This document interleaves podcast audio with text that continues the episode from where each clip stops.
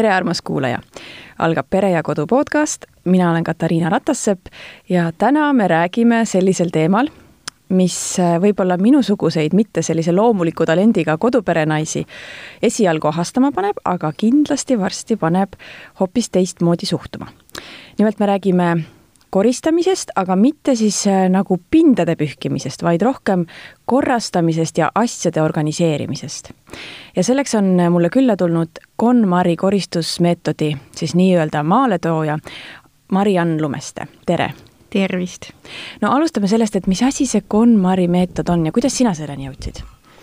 jaa äh,, väga head küsimused ja juba sissejuhatusest tegelikult äh, sain päris äh, mitu head äh, mõtet, äh, mis on vaja kindlasti siin tänase podcasti jooksul äh, läbi rääkida, aga tõepoolest, mina olen siis KonMari konsultant, mis tõepoolest on unikaalne korrastusmeetod pärit Jaapanist. ja tõesti, koristamisega on siin üsna vähe pistmist, selles osas, et kuidas pindasid puhastada, sellest kahjuks mina väga palju ei tea, küll aga tean mina väga palju sellest, kuidas esemeid korrastada, organiseerida, luua kodus jätkusuutlikke süsteeme esemete hoiustamiseks. ja, ja teine pool selle meetodi juures on nüüd see, esimene samm enne seda, kui sa hakkad esemeid hoiustama, on see, et kuidas valida õiged esemed oma koju välja, kuidas valida koju välja need esemed, mis teevad sind rõõmsaks, annavad sinu elule väärtust juurde. Ja, ja kuidas siis läbi selle, läbi nende esemete valimise saad sa tegelikult luua endale lihtsama ja, ja parema elu, elu, mida sa elada tahad. ja kuidas mina selle meetodini jõudsin, tegelikult oligi nii, et äh, ühel hetkel sain ma aru, et ma ei ole oma eluga päris äh, sada protsenti rahul. ma õppisin õigust, töötasin õigusalal, vahepeal olin päris äh, raskesti haige ja, ja ma saingi aru, et ma pean midagi ette võtma, ma pean oma elu muutma aga ma ei teadnud, kust alustada, ma tõesti ei teadnud, mida teha.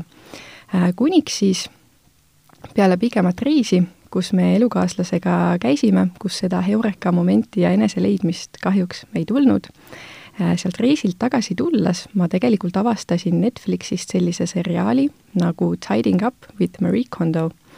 ma vaatasin seda seriaali, ma sattusin vaimustusse ja, ja ma sain koheselt aru, mida ma pean tegema, kust ma pean pihta hakkama. Et see enese võib-olla leidmine, oma, oma parima elu loomine tegelikult algabki ju sinust endast ja väga hea ja lihtne on seda alustada, alustadeski oma asjade, asjadest, va-, vaadates, mis, mis asjad teevad sind rõõmsaks, mis mitte, mis on, mis on sinu suhe nendega, nii et tõepoolest läbi siis töötades läbi töö oma asjadega sain ma nii-öelda kontakti iseendaga ja boonuseks sain ka kodu, mis enam segamini ei lähegi.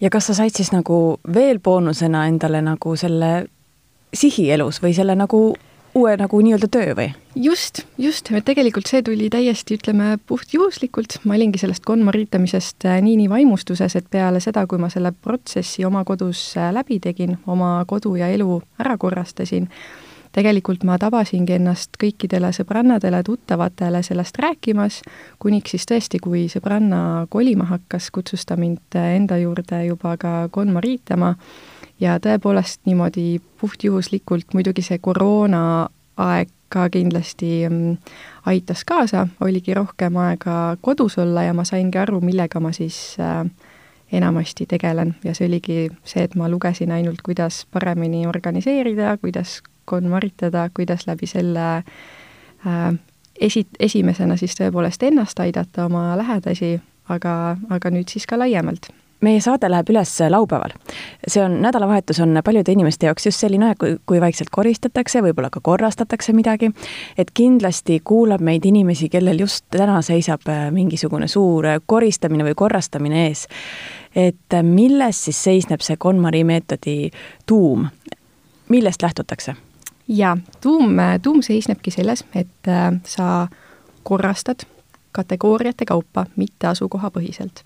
miks? sellepärast, et kui sa nüüd korrastad ikkagi asukohapõhiselt, siis jah, sa teed ühe toasahtli või kapi korda, korrastad, aga tegelikult tihtipeale sa viid sealt kapist või toast asju teise kohta, teise tuppa, teise riiulisse.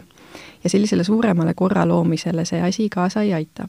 ehk siis korrastatakse kategooriate kaupa, alustatakse riietest, seejärel korrastatakse raamatud, siis paberid, siis komono ehk siis jaapani keeles pudi-padi ehk siis kõik muu, siia alla käivad tõesti nüüd köögiasjad, tehnika, kosmeetika, kõik muu, ja viimasena sentimentaalsed esemed ja kuidas seda korrastamist äh, siis alustada?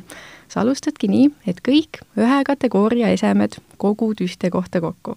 ehk siis, kui esimene kategooria, millest alustada, on riided, siis sa kogudki kõik, kõik, kõik riided, mida sa omad, ühte kohta kokku. miks?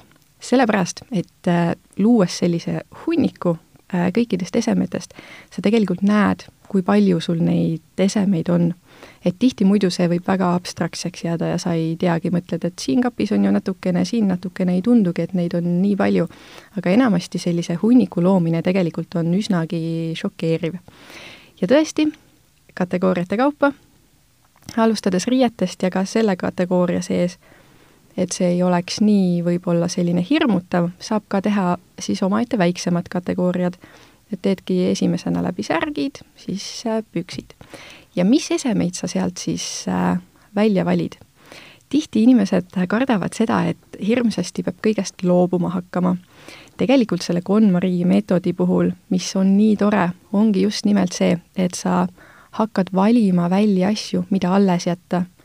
Neid asju, mis tekitavad sulle positiivset emotsiooni, rõõmu ja kõigest muust loobud ehk siis see fookus on sellel positiivsel, sellel, mida, mida alles jätta. ja tegelikult läbi selle nii-öelda rõõmu valimise protsessi, jah, sa alustad küll oma esemetest, aga tegelikult õpid sa seda rõõmu vär-, märkama ja valima ka igas muus elu aspektis. nii et tõesti, mina väga soovitan, kui te nüüd korrastama asute, teha seda kategooriate kaupa, mitte lokatsioonipõhiselt ja, ja tõesti see rõõmu valimine on selline, selline hea asi, mida teha, mida ma ka väga soovitan, et tihti inimesed on väga-väga praktilised. ja, ja see on täiesti arusaadav, aga, aga selline rõõmu valimine ja see teistmoodi lähenemine tegelikult äh, aitab väga palju meid just äh, võib-olla laiemalt elus, kui minnagi nüüd äh, asjadest edasi. no aga kuidas nii ikkagi saab olla, et kõik, mis sa alles jätad, valmistavad sulle rõõmu, näiteks kui sul on mingisugused tööriided, millega sa pead tegema mingit tööd, näiteks kas või kuskil aias, mis on sulle võib-olla natukene vastumeelne, aga sul on seda vaja selleks, et seda teha, siis kuidas sa siis toimid? aga siis mõtlegi täpselt selle peale, mis on selle, mis on selle riideeseme eesmärk. sa oled ju rõõmus, kui noh, ütleme näiteks äh, tõesti, sa teedki ai-, aiatööd, aiatööriided. sa oled ju rõõmus, kui sinu aed on korras ja kena. ja, ja nii sa saadki lahti mõtestada selle, et tegelikult äh, need riided, mis võimaldavad sul teha selle aia korda ja, ja kenaks, need teevad sind rõõmsaks, et see ei olegi just võib-olla need äh, vanad dressid, mis on need kõige rõõmustavamad, aga see, mis sa sealt saad välja, see on see rõõmustav mm. -hmm. nii, ja siis jagad need hunnikutesse osad asjad jätad alles ja osadest asjadest loobud siis, jah? just, just. ja, ja tõesti äh, äh, selle loobumisega on ka nii, et, et tihti ongi inimesed nii praktilised, et seda on, seda on väga raske teha ja hoitaksegi alles esemeid näiteks, mis on soetatud äh, täiesti ebaratsionaalselt äh, kalli hinna eest ja mis ei ole sobinud. ja tegelikult selliseid asju, mis, mis tekitavad ikkagi seda negatiivset emotsiooni, et ka see äh, ütleme, ebameeldivast lahtilaskmine ja loobumine siis nii esemete näol kui ka laiemalt oma elus on selline võib-olla suur asi, mida selle protsessi käigus tegelikult õpitakse mm. -hmm. ma kujutan ette, et naistel on väga palju selliseid riideid, mis enam selga ei lähe, aga kindlasti kunagi veel varsti lähevad. just täpselt, äh, see, see on ilmselt iga naisterahva kapis nii ja oli ka minu kapis nii ja, ja tegelikult see oli võib-olla üks selliseid suuremaid õppetunde minu jaoks, mis mina sellest äh, protsessist sain, just see loobumine ja lahtilaskmine. et äh, ma enne põgusalt mainisin, et äh, ma olin vahepeal päris halvasti haige ja enne seda ma olin suurepärases vormis, ma tegin väga palju trenni. nüüd ikkagi terviseprobleemide kiuste ma ju samuti kosusin, ei olnud enam nii heas vormis ja tegelikult iga hommik, kui ma kapi avasin, mis emotsiooni ma sealt sain, ma saingi esimesena päeva alustades täpselt selle emotsiooni, et ma ei ole enam nii sale, ma ei ole enam nii heas vormis, mu tervis on halb, ma ei ole üldse mitte oma elus seal, kus ma tahaksin olla. see, see tõesti selline meeletu negatiivne emotsioon. ja ma saingi aru, et mina ise oma valikutega tegelikult ju tänases päevas seda emotsiooni endale tekitan. teine variant on ju see, et ma tõesti soetan endale ja oman neid riideid, mis panevad mind ainult hästi tundma, oma kehas, hommikul esimese asjana, kui ma teen kapi lahti, ma võiksin ju näha seal ainult kõiki neid esemed, esemeid, neid riideid, mis tõesti panevad mind ennast hästi tundma, toetavad mind. et äh, selle peale tasub mõelda ja see ongi mhm. täpselt see, see, see koht, kus see rõõmu valimine aitabki meil luua seda elu, mida me tegelikult äh, elada tahaksime. no hästi, aga lähme siis nüüd riiete juurest edasi, mis see järgmine kategooria oli? raamatud mm. -hmm. mida seal peab, kuidas seal, millest seal peab lähtuma? no vot, see, see on tihtipeale selline raskem kategooria, mina pean tunnistama, et esimene kord, kui mina konmaritasin, siis äh, ei tulnud see mul mitte välja, ma tõesti ei saanud aru, kuidas ma nüüd peaksin hakkama raamatutest rõõmu valima. raamatud on ju raamatud. et äh, aga see on jällegi suurepärane kui sa tunned sellist äh, emotsiooni, sellist emotsiooni, et, et võib-olla see, siin kategoorias ma ei saagi seda rõõmu valida. see tähendab seda, et tegelikult see kategooria läheb sulle korda ja see teebki sind rõõmsaks, kui sa tunnedki juba selle kategooriaga töötades äh, raskust. küll aga hiljem äh, kui ma sellesse teemasse sügavamalt sisse läksin, siis ma sain aru, et, et ka raamatuid ikkagi on, on võimalik konvaritada, isegi kui, kui sa oled suur äh, raamatufänn, et tõesti ka raamatutes on ju neid raamatuid, mis on sinu lemmikud, mida sa tahad ise veel uuesti lugeda, mida sa laenad ja soovitad sõpradele, ja on ka ju neid raamatuid, mis on tegelikult kas äh, aegunud või, või kingitud sulle ja ei tekita positiivset emotsiooni või, või siis tõesti need raamatud, mis sa loed läbi, sa sõpradele ei soovita, sulle need äh, ütleme, lähevad meelest ära mõne aja pärast ja sa enam neid uuesti lugeda ei taha, siis võib ju neist kenasti loobuda, anda nad edasi kellelegi, kellele nad pakuvad väärtust. nii, ja mis järgmine kategooria oli? paberid. paberid, mis see tähendab? see ongi nüüd kogu paberimajandus, tunnistused, diplomid, lepingud, dokumendid. ja, ja see on nüüd tõesti see kategooria, mida, mida korrastades äh, mida varem seda parem. Tasub need süsteemid äh, luua, sellepärast et äh, kui seda mitte teha, siis tegelikult üks hetk lihtsalt sa avastad, et sul on nii palju, see maht on nii meeletu, kui sa hoiadki neid kõiki pabereid alles. et tõesti ühe välismaa KonMari konsultandi näitelt, ühe perega nad korrastasid pabereid, ainuüksi pabereid, kaheksa nädalat issakene jaa, nii et seda vältida, siis tõesti äh, tasub, äh, tasub see süsteem luua ja hoidagi pabereid siis alles nii, et äh, jällegi, kõik teeme kategooriateks, kõik süstematiseerime ära. paberitega siis on nii, et, et hoida alles esimese kategooriana need, mis vajavad praegu, millega tähelepanu, millega hetkel tegeleda, siis sellised, ütleme, aasta, aasta aja jooksul vajaminevad paberid ja need, mis tuleb igavesti alles hoida no mina võin küll öelda omast kogemust, et minul on terve suur kummut, mis on täis igasuguseid asju, seal on tõesti igasugused diplomid, aga seal on ka minu mõlema vanaema, kes on surnud, igasugused nende vanad asjad ja mingisugused, näiteks on mul hunnik vanu siluette, ajakirju, sellepärast et see on lihtsalt nii noh, seitsmekümnendate siluetid, see on lihtsalt nii lahe. aga ma ei tea, kas ma kunagi neid vaatan või midagi nendega teen, et mis sa soovitad, kas nendest tuleks loobuda?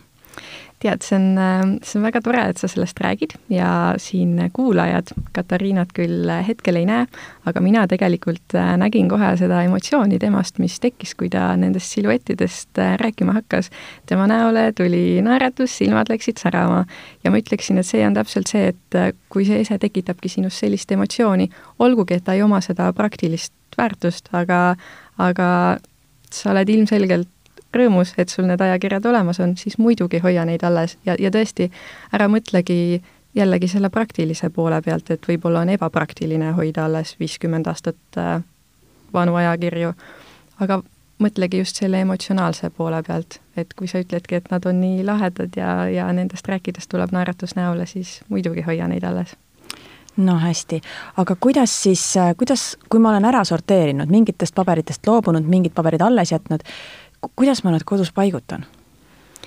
nüüd need asjad, mis igavesti alles hoida, kui me räägime paberitest, pane kuhugi kindlasse kohta ära, need, mida sa nüüd hetkel, millega sa pead tegelema, pane kuhugi, kus nad on käepärast ja need keskmised asjad pane, pane kuhugi registrisse või kohta, kus nad igapäevaselt sinu silma all ei ole, aga kus sa pääsed neile äh, kergesti ligi. See on siis, ütleme, selline lühikokkuvõte paberitest. kui me nüüd üldisemas plaanis räägime sellest äh, hoiustamisest, siis siin on ka omad nipid.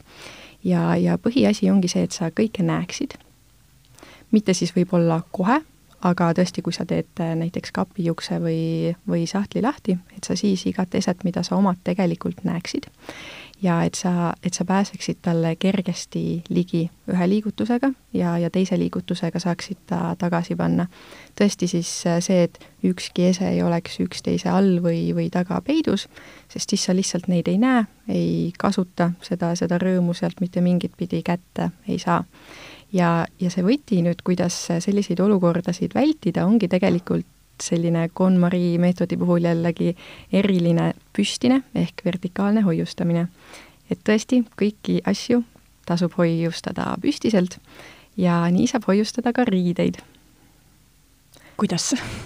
jaa, siin ongi nüüd äh, selline võib-olla suurem asi jällegi KonMari meetodi puhul on, on voltimine, voltimismeetod, kuidas tõesti siis äh, kõik riided, kabluusid, püksid, mitte siis äh, niimoodi klassikaliselt üksteise otsa, virna äh, laduda, aga panna niimoodi äh, püstiselt äh, siis kõrvuti seisma ja selle voltimisega on tõesti nii, et ka iga ese siis üksikuna niimoodi püstiselt äh, seisab.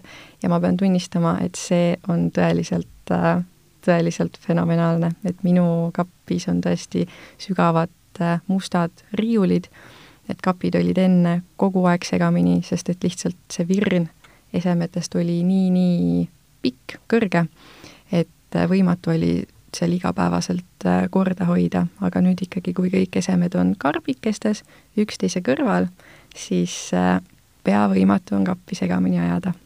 aga kas see voltimine kaua aega ei võta?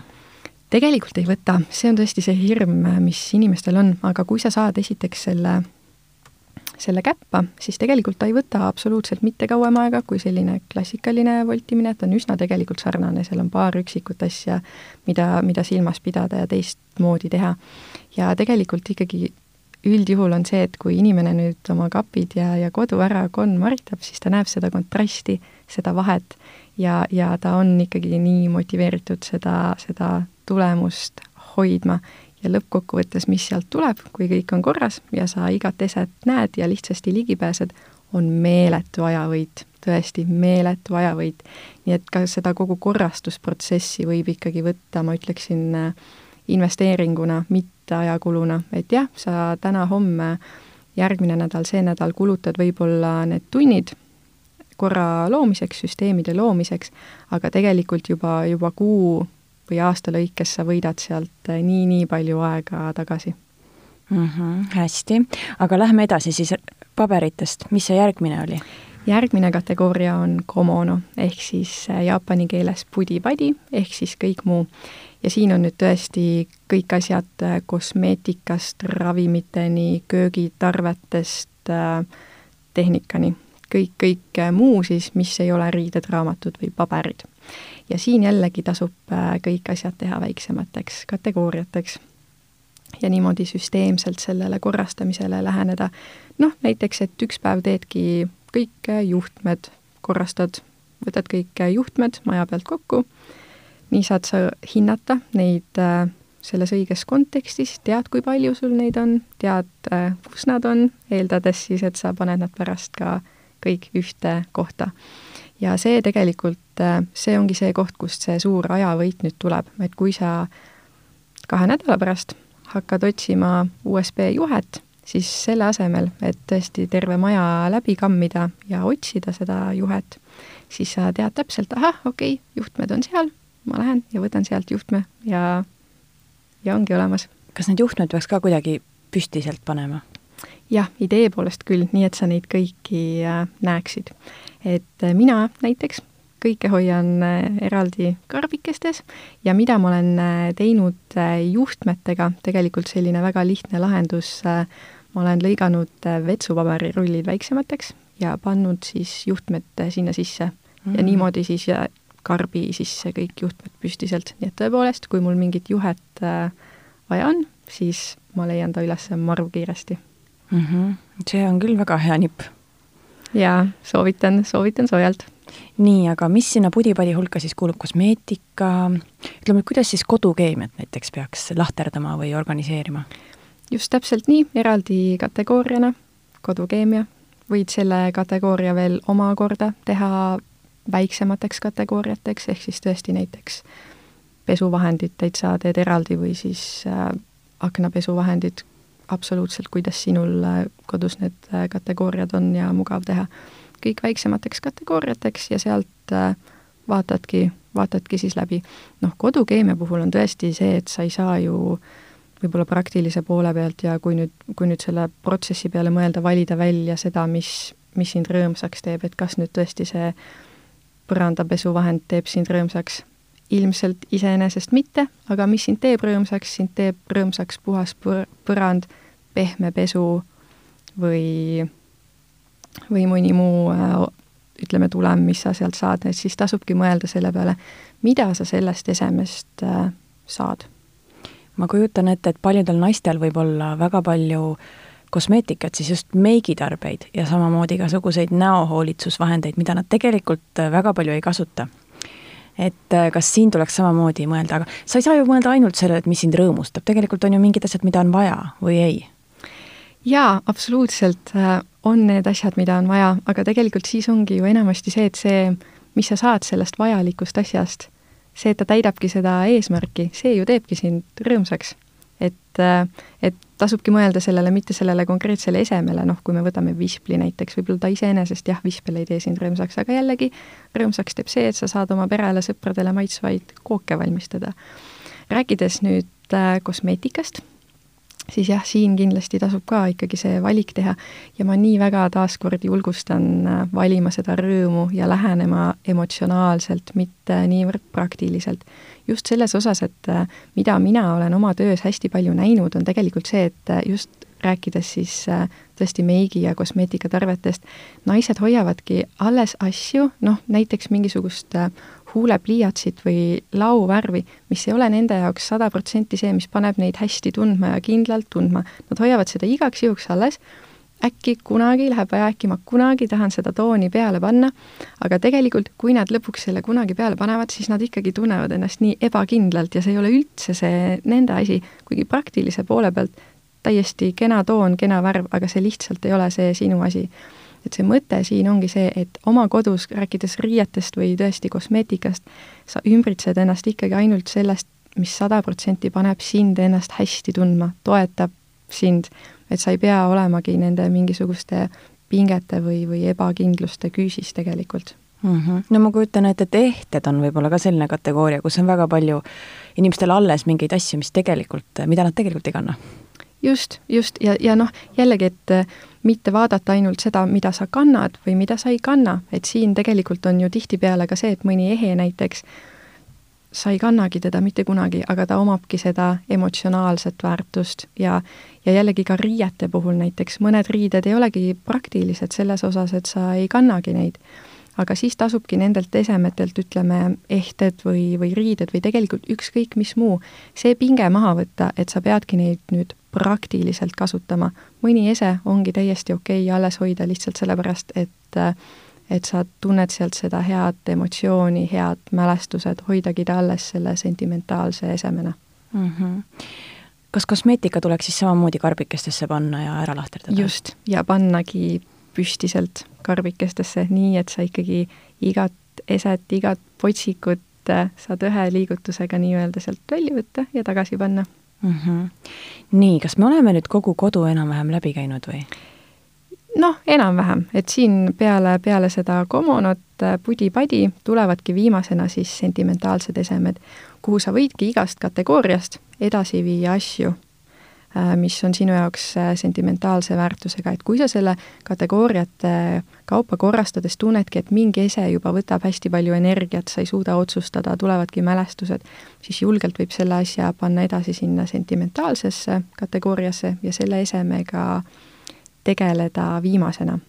aga jah, mis selle protsessi käigus siis, siis ka välja tuleb, kui me räägimegi nendest kategooriatest et sa saadki aru kategooriate kaupa korrastades, mis on need kategooriad, mis teevad sind rõõmsaks, mis on need esemed, kas need on äkki raamatud või need on äh, CD-d või need on kosmeetikatarbed või see on mingisugune spordivarustus. ja sa saad jällegi aru ka nei-, nendest asjadest, nendest eluvaldkondadest, mis sind nii rõõmsaks ei tee, mida sa tegelikult äh, läbi selle korrastusprotsessi siis saad oma elust justkui vähemaks võtta nii asjade näol kui ka tegevuste näol. et selle protsessi lõpus siis, kui sa kõik kategooriate kaupa käidki läbi, see ongi nüüd see koht, kus sa saad endale selle lihtsama ja parema elu luua ja keskendudagi rohkem sellele, mis sulle meeldib, panna rohkem oma energiat nii aja kui ka, kui ka siis asjade hulga näol sinna ja siis vähendada kõike seda ebameeldivat, et jah, et see suurem eesmärk ongi siis see endale parema ja lihtsama elu loomine ja ma ütleksin, et need korras äh, kapid on siis selline suurepärane lisaboonus. kas samasugust korrastust võiks teha ka arvutis, sest et vot, kui sa mainisid pabereid, ma kohe mõtlesin, et väga palju nii-öelda pabereid on ju kuskil kõvaketastel või siis arvutis? just täpselt, et sellise, sellise korrastamise peaks ette võtma kindlasti ka arvutis digimaailmas, sellepärast et äh, sellist infomüra äh, tänaseks päevaks on just sinna meil kõikidel kõige rohkem, kõige rohkem kogunenud mm. -hmm ja samamoodi võib ju siis ka oma harjumused, siis nagu digiharjumused üle vaadata, et kas ma, kas mul tegelikult seda Instagrami on vaja, et kas ta tegelikult annab mulle midagi? just, täpselt, see on väga-väga oluline punkt ka, millest rääkida, et tõesti ka äh, sotsiaalmeedia ja kogu muu tarbitava infoga valida ikkagi seda, mis annab sulle juurde seda väärtust positiivset, paneb sind hästi tundma, et tõepoolest, miks Instagramis äh, jälgida inimesi, kes panevad sind ennast halvasti tundma, ebakindlana tundma. et, et selle KonMari, ütleme, korrastusprotsessi käigul tõepoolest me alustamegi just täpselt füüsilise ruumi korrastamisest enda ümber kategooriate kaupa, aga see rõõmu valimine ja, ja enese ümbritsemine ainult kõige paremaga kandub üle tegelikult peale seda protsessi igasse eluvaldkonda mm. -hmm. no üks suur äh, ala minu jaoks ikkagi kodus on veel läbi rääkimata ja see on lastetoad. et äh, mina mõtlen oma kogemusest küll, et ma lastetubade puhul ma ei saa samamoodi läheneda, sest et minu kaks last on küll sellised, et, et kui ma ütleks neile, et, et mi, mis mänguasju sa tegelikult tahad ja mis mänguasju sa nii väga ei taha, siis tema ütleb, et ei, ma tahan kõike. jaa, jaa, tõepoolest siin on tegelikult nii, et lastega korrastades on ka omad täitsa sellised nipid Äh, mis teevad seda lihtsamaks ja millele tasub tähelepanu pöörata.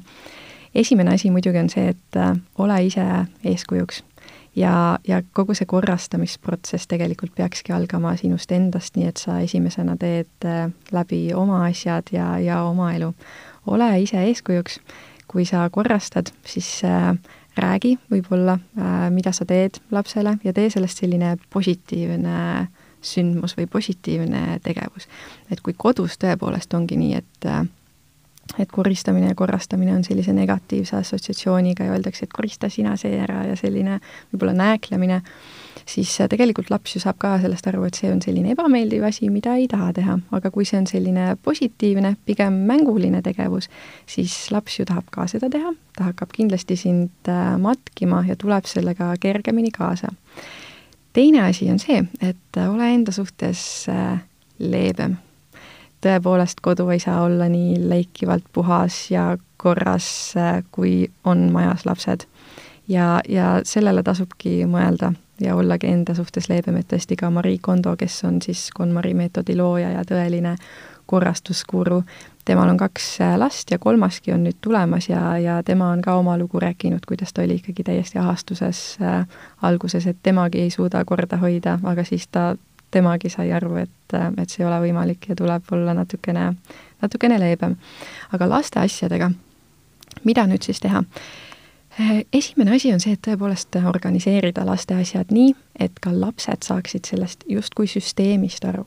kui meie täiskasvanutena loome võib-olla laste asjade hoiustamiseks süsteemi, mida meie mõistame, mis on meie jaoks loogiline, aga laps võib-olla seda veel ei mõista ja tema jaoks on see arusaamatu, siis ta ei saagi ju mitte kuidagi selle, selle süsteemiga kaasa, kaasa tulla. kui aga rääkida lapsega koos, arutada, võib-olla pannagi esemed äh, näiteks äh, värvi järgi, nii et laps kohe saab aru, ahah, siia käivad oranžid äh, klotsid, oranžid asjad, või, või mingisuguse teema kaupa, nii et laps seda mõistab. siis see on kindlasti üks asi, mis, mis seda korrastamist lihtsamaks teeb. järgmise asjana on see, et pange esemetele ruumilised piirangud.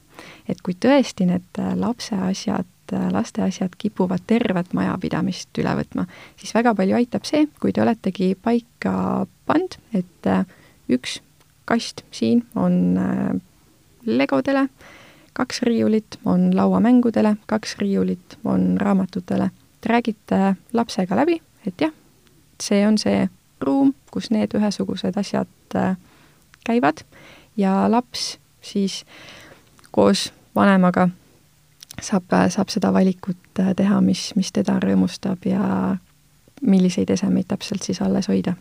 kas lapse asju peaks ka kuidagi panema püstiselt nii, et kõiki neid on näha? jah, muidugi, see teeb kindlasti seda oluliselt äh, äh lihtsamaks äh, ja paremaks seda asjade hoiustamist ja leidmist, et näiteks selle vertikaalse voltimise puhul, nüüd KonMari voltimise puhul, kui me räägime jällegi riietest, siis kui laps teeb sahtli lahti ja kõik esemed on talle näha, siis ta saab ju kohe valida selle pluusi või kleidi, mida ta selga tahab panna. ja ta ei ajagi tegelikult seda sahtlit või kappi ju segamini, sest et ta kohe, kohe näeb seda, mida ta soovib. Versus siis see teine variant, et asjad on üksteise peal ja ta otsib seal ja lappab ja, ja kõik läheb kohe segamini. ja tegelikult mänguasjadega on ju, on ju ka sama mm. -hmm. nii et sinu soovitus on see, et tuleks muretseda siis karbikesi koju juurde, kuhu asju panna, jah? just, just, mina olen väga-väga suur äh, karbi fänn ja tõesti, kuidas ma nii suureks karbi fänniks olen, olen muutunud, ongi lihtsalt see, et äh, mina elan väikses kesklinna korteris, äh, mis siis nii-öelda sisustati ja kujundati nii, et hoiustamiskohti ei ole vaja.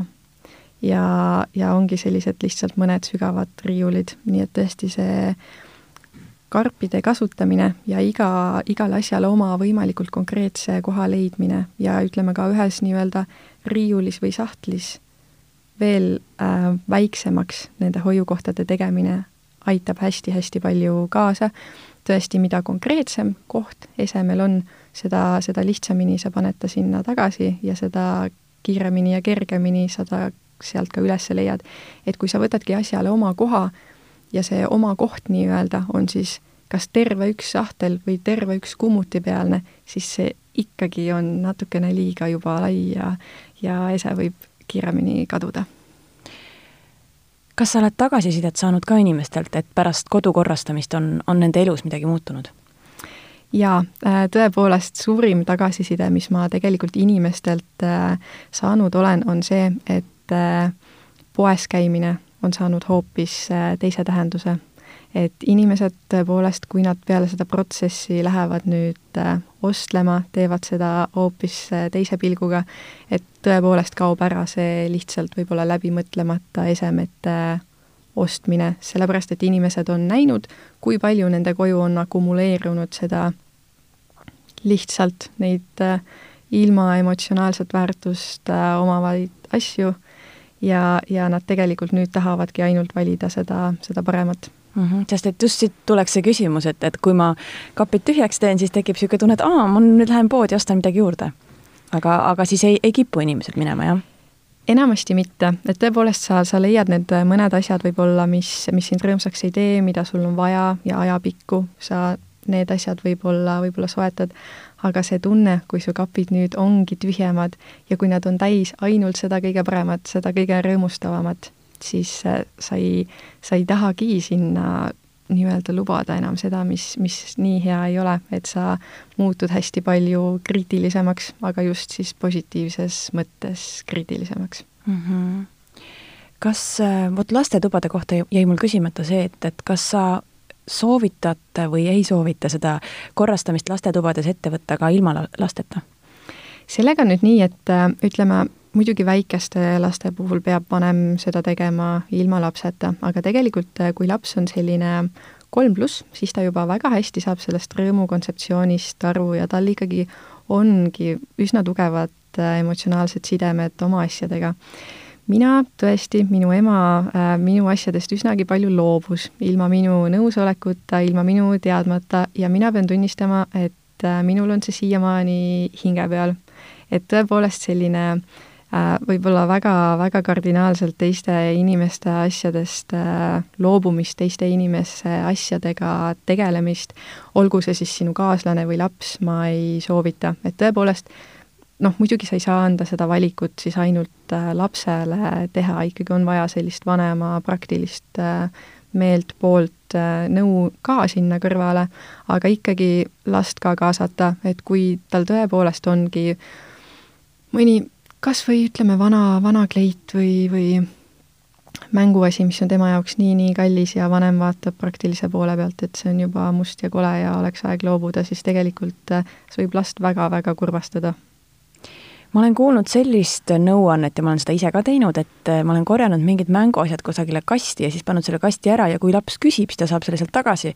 aga kui talle see aasta jooksul meelde ei tule, et noh, siis võib juba vaikselt ära viia. jaa, miks mitte. see on tõesti üks viis, kuidas, äh, kuidas seda siis nii-öelda ise saab äh, lapse eest teha mm. -hmm. just hiljuti muide oli niimoodi, et ma korjasin kokku noorema lapse käest ühed pisikesed loomad, mis olid tegelikult üldse minu omad olnud, minu lapsepõlvest ja sest, et ta ei mänginud nendega ma korjasin need kõik kokku ja panin koti sisse ära ja mul oli plaan nad uuskasutuskeskusesse viia. ja siis mõni päev hiljem ta küsiski, et oota, kus, et sa oled need loomad kokku korjanud, et kus need on, et kus sa panid need? et, et selles mõttes siis ma sain aru, et tal on ikka väga hästi meeles, tal on nii palju asju, aga tal on ikka väga hästi ka need minu vanad mänguasjad meeles. jaa, nii, nii, nii tore, nii tore, et sa oled need alles hoidnud ja et need lapsele ka Äh, rõõmu toovad ja sellest loost on tegelikult väga hästi näha, et see, et äh, võib-olla, kui meile vanematena tundubki see, et lapse tuba on segamini, siis tegelikult laps ise võib väga hästi teada ja tal võivad enda jaoks väga head äh, süsteemid olla oma peas loodud, kus need asjad on ja kuidas need asjad on. ja see ongi just see põhjus, miks neid süsteeme koos luua lapsega, sest et meil täiskasvanutena ja lastel lihtsalt meie ajud töötavad erinevalt ja need süsteemid, mida meie loome, ongi erinevad, et siin tulebki nüüd et äh, seal keskel koos kokku saada mm. -hmm. et üle kolmeaastase lapse toa puhul ikkagi on mõistlik siis koos lapsega seda korrastada? jaa mm. -hmm. aga mida teha nende asjadega, mis äh, enam sind nii-öelda ei teeni? jaa, kindlasti mitte ära visata ärge seda palun tehke. Äh, siin on tõesti esimene ja kõige parem asi muidugi on see, kui sa, kui sa leiad inimesed, kellel ongi nüüd just neid asju vaja, keda need asjad teevad rõõmsaks see võib olla muidugi üsna selline keeruline protsess ja aeganõudev protsess jõuda just täpselt selle, selle õige inimeseni. aga tõepoolest on olemas ju meeletult erinevaid Facebooki gruppe, online müügiplatvorme, kirbukaid, saad viia taaskasutuskeskusesse, neid, neid variante tegelikult on, on meeletult ja ma tõesti julgustan kõike, kõike saatma teisele teisele ringile. ja tõesti, ma mainisin siin ka kirbukaid ja, ja online müügiplatvorme ja siinkohal tõesti ongi äh, oluline ära mainida see, et teinekord on ka esemete müümine väga hea lahendus. just siis, kui sul ongi sellest esemest äh, raske loobuda, sa, sa võib-olla kohe ei tahagi seda teha, just näiteks sellepärast, et see ese on maksnud palju või, või mis iganes äh, muul põhjusel, siis tegelikult müümine on just sellepärast hea, et tegelikult seal on see füüsiline vahetus ja sul on psühholoogiliselt seda lihtsalt hästi-hästi palju lihtsam teha, kui sa nii-öelda saad midagi sealt vastu. sellist kiiret rikastumist kindlasti loota ei tasu ja see ei ole see mõte, aga just äh, sinu jaoks äh, selle, selle asja lihtsamaks äh, tegemine. ja kindlasti on oluline ära mainida ka see, et oma, oma sõpradele, tuttavatele võib-olla suur asi, mida tehakse, on selline vanemate juurde maale viimine, see tegelikult äh, ei ole lahendus, et siis sa justkui annad selle oma, oma, oma pahna sellise mitte rõõmu valmistava osa kellegi teise, teise kaela kanda mm. -hmm no ma kujutan ette, et siin on selline keskkonnasäästlik aspekt juures ka, et, et kui sa viid oma vanu asju, mis tegelikult on täiesti noh, uued ja toimivad, uuele ringile, siis sa ka näed seda, kui palju on seal teisel ringil asju, mida võib-olla sina võiksid kasutada, et sul ei ole vaja võib-olla kõike uuena osta. just täpselt, just täpselt, et et see keskkonna säästlikkuse ja jätkusuutlikkuse aspekt on siin, on siin väga-väga tugevasti sees. just see, kuidas sa, sa hindadki seda, seda suhet nende asjadega ümber ja selle protsessi käigus kindlasti sa leiad ka oma kodust asju, mis sa võib-olla arvasid, et äh, ei ole päris see enam sinu jaoks, aga nüüd uue pilguga vaadates tegelikult täitsa on mm. -hmm. no ma tahtsingi küsida sellesama maavanemate pööningu kohta, et ma kujutan ette, minul ei ole vanemaid maal, aga need, kellel on, et seal on tihti, on niisugused pööningud või keldrid või kuurid või mis on tohutult täis igasuguseid asju eelmistest aastakümnetest ja mõnel võib-olla isegi aastasadadest. et mis, mis teha nende pööningutega? jaa, tõepoolest äh, nii on. Ja me-, meeletus, meeletutes kogustes äh, asju ongi seal pööningutel äh, maal ja kusjuures nüüd juba ka kesklinna laoruumides, mida inimesed äh, hoiustavad. ja siin on nüüd ikkagi see, et et tasub, tasub see korrastamisprotsess ette võtta, tasub seda teha süstemaatiliselt, kategooriate järgi, ja tasub alles jätta ikkagi see, millest sa tunned seda väärtust, millest sa saad seda, seda rõõmu ja ei olegi vahet, neid asju võib olla väga palju, võib-olla sa, sulle meeldibki, kui sul on neid asju palju ja sa tunnedki sellest rõõmu. see on täiesti okei okay., aga teegi, teegi seda teadlikult, mitte nii, et sa lihtsalt meeletult kogud neid asju ja ilma läbimõtlemata hoiad neid alles. noh, esiteks, mis, mis väärtust need asjad siis seal pööningul või laoruumis seistes tegelikult äh, omavad ja, ja andes nad edasi, saaks ju keegi teine päriselt sellest esemest rõõmu tunda mm. -hmm. no võib-olla meie põlvkonna inimestel, kes on nagu sündinud siis, kui juba kõike oli saada, on sellest lihtne rääkida, aga, aga ma arvan, et väga paljudele, kes on ka elu jooksul puudust kannatanud ja ongi pidanud kõike alles hoidma, on see võib-olla väga keeruline. ja, ja see on jällegi väga oluline mõte, millest rääkida ja nimelt tõepoolest, miks, miks ma nii suur KonMari meetodi fänn olen ja miks ta nii hästi töötab, ongi see, et siin ei ole reegleid see, see meetod ei tähenda seda, et sa pead alles hoidma kolmed püksid ja, ja neli särki ja kahed sokid. ei, see ongi see, et hoia seda alles oma elus, mis teeb sind rõõmsaks, mis paneb sind hästi tundma. mõne inimese jaoks, mõni inimene tunneb ennast hästi, kui teda ümbritseb vähe asju, teine inimene tunneb ennast jälle paremini, kui teda ümbritseb väga palju asju, ta tunnebki sealt seda turvatunnet, seda, seda positiivset emotsiooni, seda võimalust, et tal on kõik asjad alles, ta saab seda kasutada. ja see on täiesti arusaadav, et inimesed, kes on sündinud ja elanud, näinud teisi aegu, nende jaoks see ese, äh, ütleme, suhe esemetega on hoopis teine.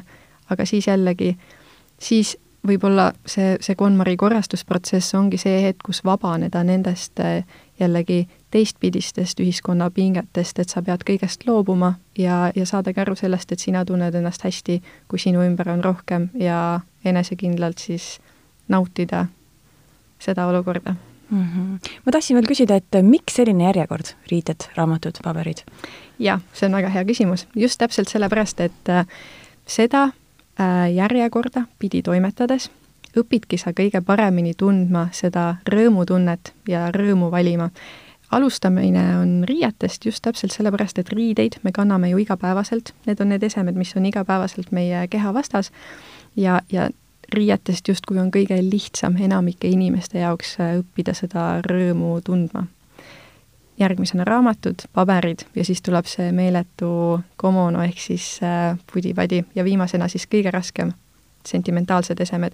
ka sentimentaalsetest esemetest kui sa nüüd oled õiget järjekorda pidi selle protsessi läbi teinud, saad sa valida tegelikult välja need sentimentaalsed esemed, mis annavad sulle seda positiivset emotsiooni ja võib-olla siis loobuda, lahti lasta mõningatest esemetest, mis seda positiivsust ei too. Mm. -hmm no mina sain igal juhul äh, väga palju inspiratsiooni, et äh, kodus koristamist alustada, mulle ainult tundub, et selle peale läheb väga palju aega. Eh, noh, jah, ütleme, võib minna küll, oleneb nüüd tõesti, kui suures äh, kodus sa elad, kui palju esemeid sul on. mis, mida ma kindlasti soovitan, on see, et võttagi see protsess pigem äh, ühe korra intensiivselt ette, võimalikult kiiresti läbi teha, sest et äh, muidu ongi täpselt see, mi-, mida ilmselt iga inimene meist tegelikult tunneb, on see, et sa kogu aeg justkui natukene korrastad ja jäädki korrastama. teha ta pigem intensiivselt, võttagi see aeg ja, ja mitte mõelda selle peale nii, et see on meeletu ajakulu, aga see on ikkagi aja investeerimine. inimene kulutab äh, asjade otsimiseks, ainult asjade otsimiseks kodus keskmiselt pool tundi päevas hmm.. ja kui sa nüüd mõtledki, kui palju aega sa kulutad kuus, viisteist tundi aastas, sada kaheksakümmend tundi, siis pigem võtagi see nädal, kuu, sea asjad korda ja see ajavõit tegelikult lõppkokkuvõttes on, on meeletu mm. -hmm no kui mõnda kuulajat hakkas see asi nüüd väga huvitama, siis, siis kust ta leiab informatsiooni veel? informatsiooni selle kõige kohta rohkem leiate korrastuskunsti äh, nii kodulehelt, Facebookist kui ka Instagramist, et tõepoolest ka sotsiaalmeedias ma üsnagi palju selle protsessi kohta jagan, nippe, kuidas asju hoiustada, kuidas täpselt äh, mida teha. nii et kui te olete huvitatud, siis otsige üles korrastuskunst. kas on nüüd selline asi, mille siis nagu ühe korra teed ära ja siis on tehtud, või siis nagu sina tegeled sellega nagu kogu aeg pidevalt? tegelikult jah, ta peaks olema nüüd selline asi, mis sa teed ühe korra ära ja siis ta on tehtud. et sellist suurt korrastusprotsessi nüüd, nagu mõni inimene teeb näiteks iga kevad, ei peaks enam olema aga mida mina siin äh, omast, omast käest äh, nii enda näol kui ka teiste kogemustest näen, on tegelikult see, et äh, kui sa teed selle, selle protsessi läbi ja õpidki seda rõõmu valima ja hakkadki oma elus alles hoidma ainult seda, mis mis pakub sulle seda positiivset energiat, siis tegelikult oled sa käigu pealt kogu aeg hästi juba kriitiline. et minul näiteks ongi riidekapis on alumine riiul, kuhu ma juba jooks, jooksvalt panengi need esemed, mis on oma eesmärgi täitnud ja mind enam rõõmsaks ei, ei tee. nii et tegelikult jah, ma ütleksin see, nagu meie ju inimestena pidevalt areneme ja, ja muutub see, mis on meile oluline ja meid rõõmsaks teeb, siis tegelikult ka see ju asjade osas äh, muutub, nii et ma ütleksin, et äh, et kui sa tõesti selle protsessi läbi teed, siis see muutub selliseks äh, igapäevaseks äh, tegevuseks see, see rõõmu valimine ja juba käigu pealt sa saad aru, mis, mis oma eesmärgi on täitnud, selle saadki panna siis sinna juba riiulisse või edasi anda ja, ja selline jah, suurem korrastamine, seda enam ette ei peaks tulema mm. -hmm. aitäh sulle, Mariann! aitäh sulle, Katariina! ma loodan, et me inspireerisime paljusid kuulajaid.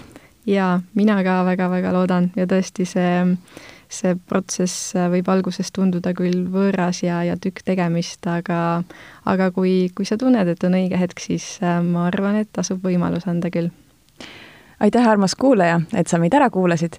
kõik meie saated on ikka leitavad Spotify'st, iTunes'ist, SoundCloud'ist ja teistest suurematest podcast'ide rakendustest